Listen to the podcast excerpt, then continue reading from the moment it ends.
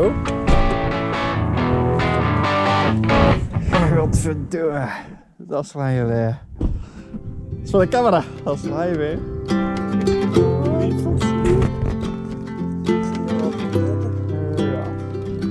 Zo. Hallo. Hey, is je Robbe? Jo, ik ben Robbe. Ik ben Potske. Jo, Hallo. Potske. Goeiedag. Ga in de school zitten, man? Welk? Ga in de school zitten? Even, hè. Lekker. Goed. Wat een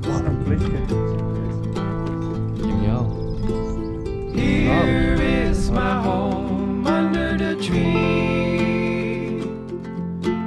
No one will find me, don't you agree? Here is my home under the tree.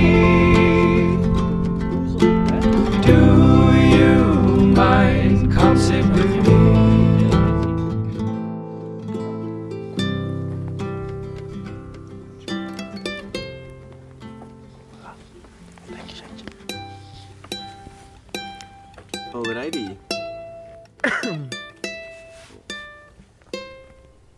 Goed, Pot. Ehm, welkom. of eh, welkom bij u. Eh, we zijn helemaal hier gekomen omdat we heel benieuwd zijn naar uw three words of advice. Ja. Ehm, dus als je wilt, mocht je die delen. Ehm, wat was dat weer? Nee, gehoorzaam ehm, het leven had ik eerst, maar dan had ik gehoorzaam uw dromen. Had ik. En ik zou graag die gehoorzaam, als dat gaat, tussen haakjes zetten. Omdat ehm, je kunt alleen maar je dromen leren kennen. Heb ik bij mezelf gezien. Dat je een tijd geen dromen hebt. Dat je zoiets zit van... Er zijn zoveel impulsen in het leven, zoveel dingen dat je wilt, omdat ze dat ook aanbieden precies. En op den duur de, heb ik een crisis gehad en heb ik zoiets van, was, wat, hoe moet ik hier gaan elimineren en zien van, dat zijn mijn dromen. Hè? En dan heb ik, ik kon niet anders. Van, ja, gewoon, ik, ik, kon, ik, ik moest thuis blijven, ik moest in mijn kamer eigenlijk een persoonlijke lockdown creëren. En, ehm, en gewoon luisteren naar mezelf. En alles eruit smijten dat er niet meer toe doet. Maar hoe meer dat je eruit smijt, hoe meer dat er terug potske van vroeger binnenkwam. Zo, ah, dat vond ik leuk en dat vind ik belangrijk. Doe in het leven wat je wilt, droomt, doe wat je wilt. Maar als je vastzit, stil worden, luister naar je hart, naar je, je pijntjes, je verdriet, je wat dan ook. En kijkt en zei op, eerlijk naar jezelf, wat is deze? En dan kun je terug gaan zien, oh, maar dat, het is dat. Hop, en je, je voelt het terug. Je, je kent dat wel, hè? Dat is terug dat gevoel van, ja, ik weet het. Ik kon terug dromen.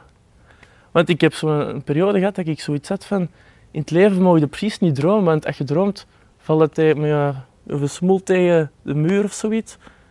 Ik kon gewoon braaf de mensen pleasen, zo had ik dat tegen mezelf niet gezegd, maar je begint je zo op te stellen.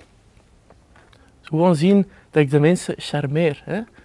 Maar dan hoe meer en meer beginnen te zien dat, dat je vanuit je eigen dromen vriendelijk kunt zijn en sympathiek. Maar terwijl je kunt weten van, deze is mijn intentie erachter. En ik was van de lange tijd mijn intentie kwijt, maar nu begint dat terug erin te komen. Ja, maar ik begin daar ineens in te vliegen. dat is keigoed. En, en je hebt gezegd, ik heb een crisis gehad. Wat, wat hield dat in? Ja, een crisis. Dat je gewoon. Ja. Alles valt weg. Alles wat dat je. Zo. Hey, naar school. Gaan trainen. Thuiskomen. Televisie zien. Dat is vroeger als kind. Zo was mijn leven, maar ik was gelukkig ermee. En dan. Je stopte met te, te shotten op dat niveau op een lager niveau shotten. En dan zie je van ja, ik wil eigenlijk gewoon niet meer shotten. En je stopt met shotten en je gaat nog eens proberen. En je doet nog eens een jaar en je stelt jezelf teleur, je stelt die mannen teleur, want je wilt eigenlijk niet meer shotten. Dus je stopt er ook mee. Maar die vriendenkring hangt er ook aan vast. En die vrienden vallen ook voor een stuk weg. En dan gaan je die mannen nog eens opzoeken, maar je weet je niet te gedragen. Want... En ja, een identiteitscrisis noemen ze dat zeker. ja. Heb je je alleen gevoeld toen? Ehm, alleen.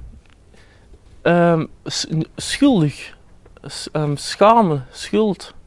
alleen niet, want eigenlijk deed dat goed om naar mezelf te gaan. Maar wel, wanneer ik de behoefte had om mensen te zien, dat sloeg altijd tegen, want ik kon dat potje van vroeger niet meer zien. Die zijn gedragspatronen had en iedereen kon op een schwung manier. Omdat er ineens iets tegen in mijn eigen zei van, ja nee, ik wil, ik wil dat niet meer. Paf, en dat was... Ik schaamde mij omdat ik de mensen niet meer kon pleasen gelijk vroeger. En ineens stond er gelijk een, een loemp kieken. Maar ik heb altijd, ik zal het zo zeggen, ik heb nooit opgegeven. Om, ik heb er altijd in geloofd van, deze is iets waar ik in geloof, waar ik uitkom.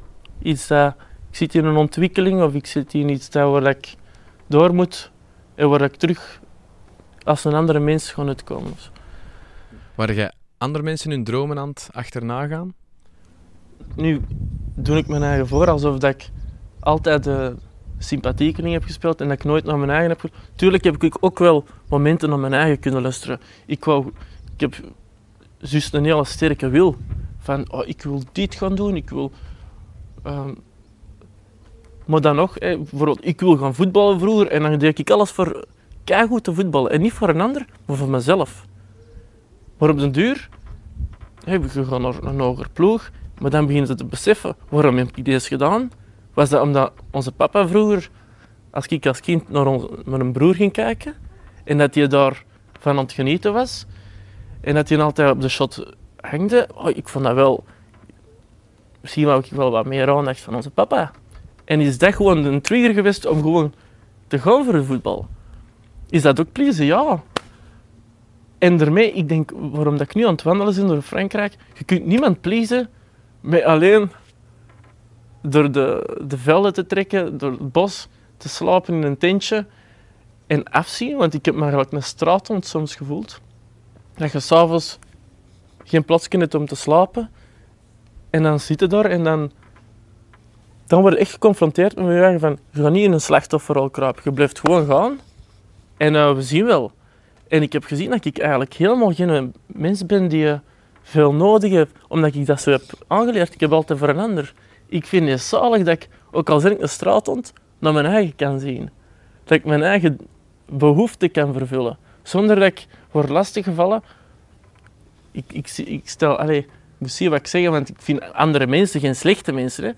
Maar zodra dat er een andere mens in mijn buurt is, ben ik zo geconditioneerd om die aandacht te zetten op hoe voelt hij zijn eigen, hoe eigen, wat heeft hij nodig. En ik kan, ik kan die focus niet behouden bij mijn eigen.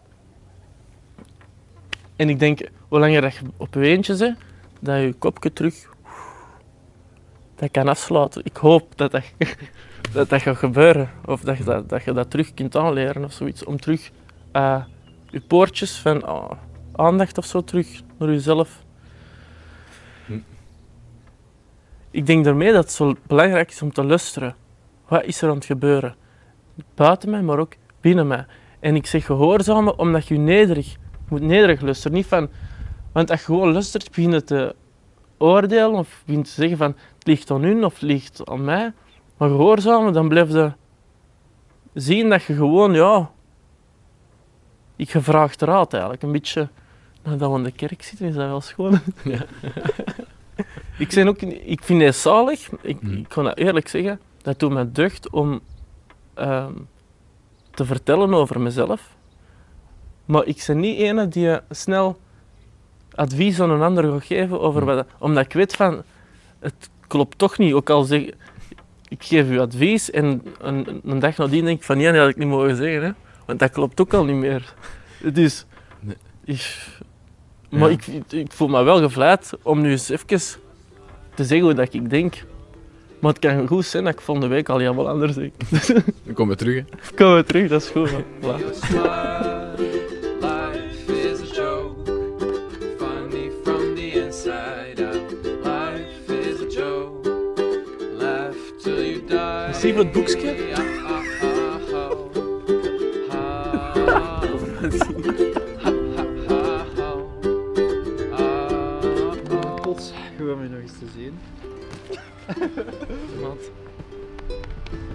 Merci, mannetjes, Merci voor alles.